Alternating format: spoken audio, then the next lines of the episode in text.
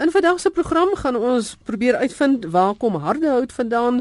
Ons gaan praat oor die ballasmandjies ensovoorts, maar eers wil ek net goeiedag sê vir my twee gaste, is Dr Willem Botha en Dr Frikkie Lombard van die Woordeboek van die Afrikaanse taal daar op Stellenbosch. Goeiemôre julle. Hallo Magdleen, hallo luisteraars. Nou Frikkie, ons val met jou weg. Ek het gesê ons wil weet waar kom harde hout vandaan. Dit is Frans van Stellenbosch wat dit vra. As jy nou klaar verduidelik het waar dit vandaan kom, hoekom word sekere dranke so genoem? Dis nou die die whiskies en die vodkas en die brandewyne. Ons praat mos van harde hout nou. Hmm. Ja, kyk as as 'n mens nou normaalweg praat van harde hout, dan is dit maar net 'n harde houtsoort, nê, nee. uh, dig en sterk en swaar gewoonlik met 'n fyn draad. En dan skertsend daarna het gekom sterk drank, so veral dan nou brandewyn en soos jy nou genoem het die whiskies en die al ander gefortifiseerde goed. En dit is maar so genoem omdat die sterk drank, veral brandewyn, in vate wat van so harde hout gemaak is verouder word. So dit is maar net uh, hy het 'n metaforiese uitbreiding ondergaan van die faaitjie af na dit wat in die faaitjie verouder is. Willem Dr. Frans Boshoff wil weet of daar 'n Afrikaanse woord is vir die Engelse airmanship wat 'n term is wat blykbaar in die lugvaart gebruik word en dit dui blykbaar op bedagsaamheid. Uh, maar hy sê as as vlieginstrukteurs 'n opleiding doen, dan beklemtoon hulle altyd aan die studente ehm um, dat hulle goeie of good airmanship aan die dag moet lê en nie bad airmanship nie. Jy skakel byvoorbeeld nie die vliegtuig aan op die grond en blaas die mense agter jou of die geboue agter jou vol stof nie. Maar ek dink airmanship uh, is veel meer net as bedagsaamheid. Dit dit mag nou ook bedagsaamheid insluit, maar as jy dit naslaan byvoorbeeld in die Webster's Third International Dictionary, dan word airmanship soos volg gedefinieer: skill in piloting or navigating an aircraft. So jy sal byvoorbeeld 'n sin kry soos he showed great airmanship by putting down the plane safely under extreme weather conditions. So airmanship is lyk like my eerstens vliegkuns of vliegvaardigheid. En dan kry jy die hele kwessie van goeie maniere of vir die gees waarin jy dinge doen, net soos in sportsmanship. Nou, ek het 'n bietjie gedink uh, wat ons hier kan doen. Jy kan dan nou spesifiek dan nou praat van uh vliegvaardigheid of vliegkuns en dan as jy bedoel goeie maniere, kan jy praat van vliegmaniere of vlieg vliegetiket maar uh, dit klink bietjie snaaks as jy praat van die vlieënierse gedrag op die grond. So ek wonder of die beste opsie nie sou wees vlieënierskap nie.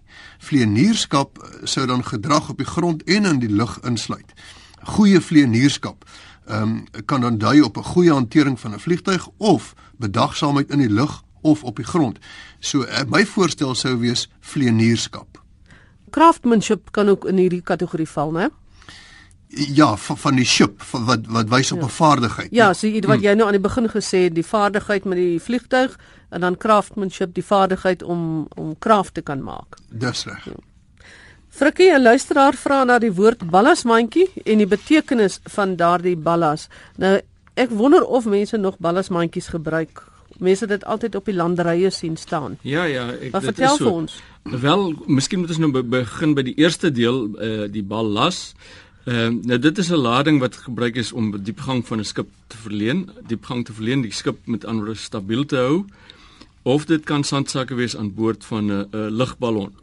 Dit uh gaan terug, kom uit Nederland, het ons dit gekry, maar dit gaan verder terug na 'n samestelling van bal wat in daai betekenis beteken dit sleg en die last is natuurlik 'n vrag. Dit was eintlik 'n slegte vrag want dit is 'n vrag wat die skip gedra het wat vir jou niks in die sak gebring het nie. Dis net daar in die skip gesit om om die ding te stabiliseer in slegte weer sodat dit nie te veel rol en dalk omslaan nie. Uh ons kry daardie soort bal wat sleg beteken nog in baldadig. Oorspronklik het dit beteken slegdadig. Met ander woorde 'n slegte daad. Ons het dit ook gekry in ons het baloorig en daardie baloorig kom eintlik van balhoorig, sleg horend. Kinders uh, wat baloorig is, het oorspronklik net sleg gehoor. Hulle het nie geluister as jy met hulle raas as dit ware nie. Nou hierdie mandjie is 'n groot mandjie soos jy ook gesê het, uh, reg wat gebruik word uh, in in boerdery is dit gebruik dit het uh, twee sulke lekker handvatsels of ore wat jy wat ongeveer 'n boesel of 'n derde van 'n mut hou en waarin groente of vrugte gedra of gemeet word. En dit wil voorkom asof hierdie soort mandjie oorspronklik ook gebruik is om uh die ballas wat op 'n skip kom in te sit. en dan's dit aan boord gedra en in mandjies daar in die in die ruim neergesit.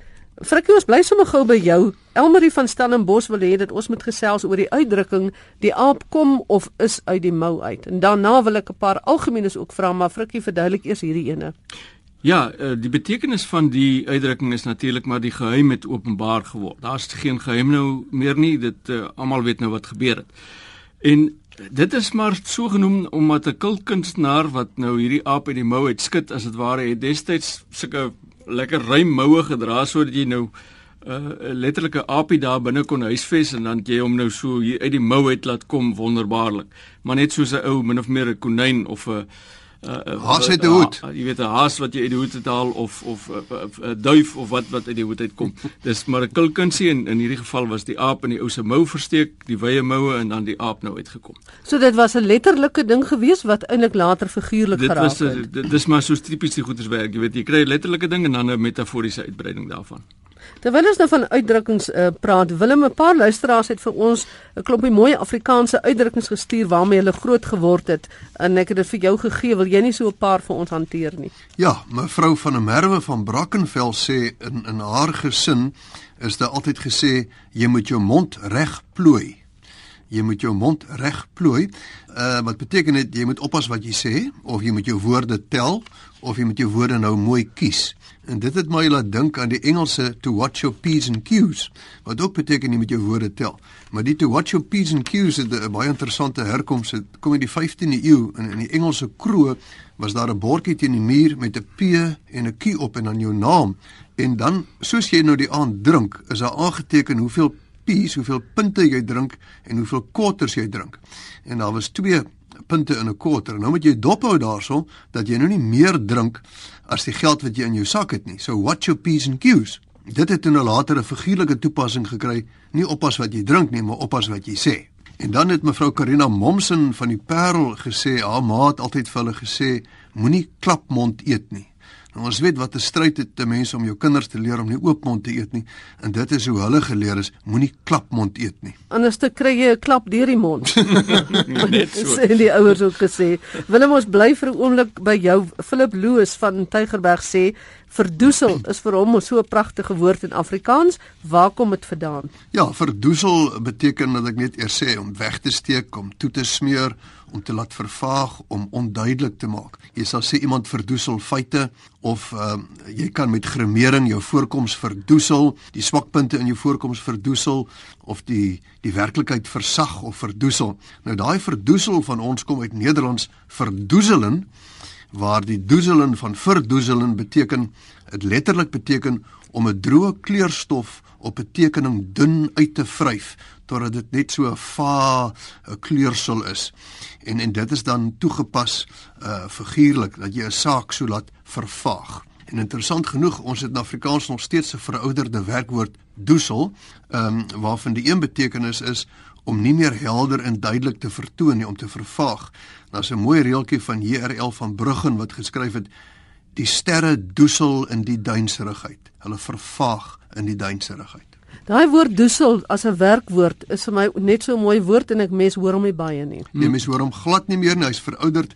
Hy kan ook beteken om half van die slaap te wees en daar's 'n sinoniem met dommel. Hy sit daar en doesel.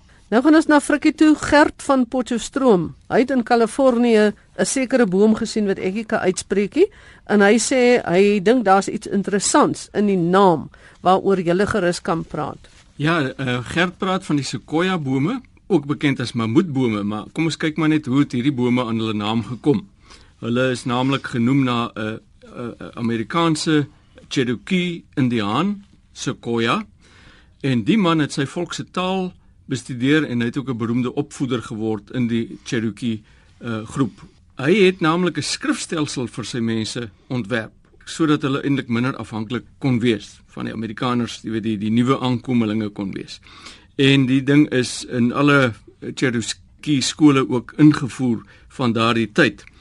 Nou net oor die bome self, ek het genoem dat hulle bekend staan ook as mammoetbome en die die een van die bome in daardie Sequoia Nasionale Park in Kalifornië, uh, die generaal Sherman boom is ongeveer 83 meter hoog. Nou dink maar aan 'n 100 meter uh, wedloop, uh, dink jy hoe ver is dit?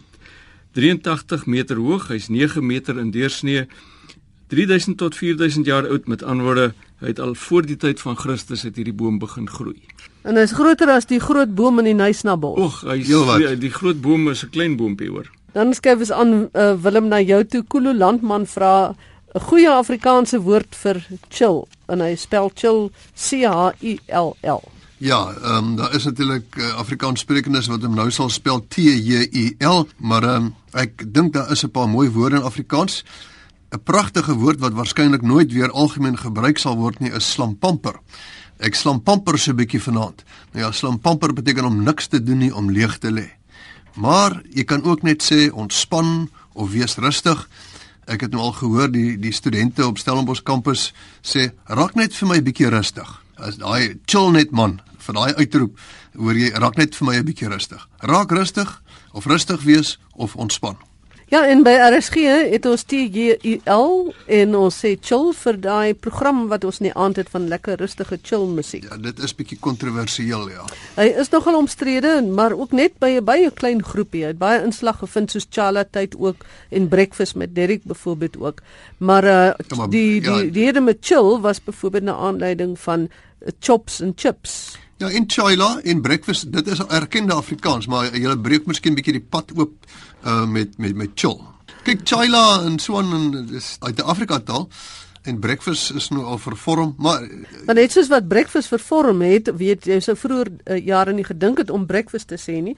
Dink ek het en en chips ook en dink ek chill ook daai Ja, vervorming en al. chop en so en dit is Ja. dit die goeders groei groei soontoe baie keer. Laat ons nou maar net chill hieroor en aangaan na Frikkie toe. Christine van KwaZulu-Natal vra dat ons oor die herkoms van Amanzimtoti praat. Dit kom eintlik van die die riviernaam wat nou by hierdie plek wat nou vandag Amanzimtoti is in die, in die in, Indiese Oseaan uitmond. Nou volgens oorlewering het het Shaka toe hy langs hierdie rivier was, sê maar bietjie gekampeer het of net tot stilstand gekom het toe hy getrek het met sy mense, het hy van die water gedrink en, en toe gesê kanti amanzi amtoti met ander woorde die water is soet, die water smaak soet. Toe is die naam nou ook uh, aangepas na Amansimtoti toe en gegee vir hierdie dorp wat aan hierdie rivier se mond gel- geleë is. Wilhelmstein van Pretoria wys daarop dat die uitdrukking agter die blad dikwels verkeerdelik in die plek van agter die rug gebruik word. Is hy reg Willem? ja, hy hy het dit heeltemal reg. Hy hy sê dit baie mooi. Hy sê as jy sê iets is agter die blad, moet dit nogal baie seer wees, want om iets agter die blad te hê beteken immers om dit te gesluk het. En dit is dit is heeltemal reg. Dis nogal interessant, eh, die uitdrukkings met met met blad. Gewoonlik sê mense hy het 'n paar stywe doppe agter die blad. En dan het hy nou iets lekkers in. Of jy kan ook sê hy het iets tussen die blaaie of jy sit iets tussen die blaaie. Byvoorbeeld eh, 'n lekker stuk braaivleis tussen die blaaie sit, dis om dit te eet. Dan is daar 'n paar interessante ander uitdrukkings met blad wat nou niks te doen het met hierdie ehm um, drinkery nie. Agter die blad sit beteken om te vry. En ehm um, as jy sê hy wil onder die blad sit, dan is hy verlief. En natuurlik om om te groet met die hand, is daar 'n paar mooies, gee my jou blad, uh, vat my blad, bladsteek. Ja, gee my jou. Dis interessant daai met blad wat dis eintlik die hand, jou arm wat wat deurgaan tot in jou blad agter jou rug, né? En dan wat hy sê, hy's nog 'n ander probleempie. Hy die- hy het 'n probleem met tot en met. Hy sê mense sê dikwels die program sal tot en met 10 uur duur. En dan sê daardie met is heeltemal onnodig. As 'n musiekprogram tot 10 uur gaan, dan hoef jy nie te sê tot en met 10 uur nie. En ek stem met hom volmondig saam. Hy sal sê 'n mens sal wel kan sê die uitstalling sal tot en met Saterdag duur. Dit beteken die uitstalling sal Saterdag ook nog plaasvind. Maar eintlik is die woord en met onnodig want as jy sê die uitstalling duur tot Saterdag, dan weet jy dis Saterdag ook nog aan die gang. Hy sê in in in regsterme is dit seker nodig om soms tot en met te sê om dubbelsinnigheid te vermy. Jy sê byvoorbeeld sê jy kan die motor tot Saterdag huur. Dit sou kon beteken dat as Saterdag aanbreek is jou huurtermyn verby. Maar as jy sê jy kan die motor tot en met Saterdag huur, is daar geen twyfel dat Saterdag ingesluit is vir die gebruik van die motor nie. Maar as daar byvoorbeeld stel jy kan die, uh, gestel word dat jy die motor tot middernag Saterdag huur, hoef jy glad nie te sê tot en met nie. Maar oor die algemeen Magdalene dink ek om te sê tot en met is onnodig. Jy kan maar oral sê tot. Johan Groenewald het gewys op dieselfde probleem. Ek hoop sy vraag is ook beantwoord hiermee. Kan ek net gou iets vir vir 'n oomblik stil staan, ehm um, Willem en Frikkie by agter die blad en agter die rug. Die agter die blad soos jy nou gesê het, jy het nou soveel soppies agter die blad.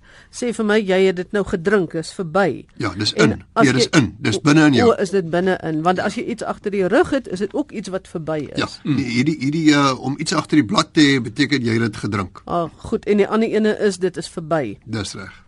Maar die, ek het gewonder oor die bladsteek is of of 'n hand nie amper soos 'n blad is nie. Jy weet 'n blaar is ook 'n blad genoem die blad van die blaar, daai plat oppervlak. Ek het gewonder of dit dalk ook 'n Dit is moontlik want hulle sê ook vat my blad. Mm. Of gee my jou blad. Mm. Of skud blad. Ja. Ja, daai een. Dis die plat oppervlak, Die plat oppervlak soos 'n is- soos 'n ook baie keer word 'n blad genoem. ja. Dit is ook nou nou dat ek daarvan praat 'n vreemde uitdrukking. Ek skud blad. Jy gee jy skud blad met die hand, maar die Ja. blad sit hier agter jou. Ja, maar juist daar waar die hand die vorm het van 'n blad, jy weet, is 'n plat oppervlak is ook so 'n blad. Frikkie, hier's 'n vraag oor die gebruik van die werkwoord hervat en oor die gebruik van hê soos in hê 'n lekker naweek. En nee, hy vra is dit is dit nou idiomatiese Afrikaans. Uh, en kom ons begin maar by die hê. As 'n selfstandige werkwoord beteken hê gewoonlik uh dat jy in die algemeen iets besit of oor iets beskik. Kom ons kyk maar na voorbeelde. Jy kan sê 'n boot hê, 'n huis hê, 'n Ferrari hê, nee, dis besit, jy het dit. Jy kan ook hoofpyn hê of u bekonders hê, jy daai bepaalde toestand het jy.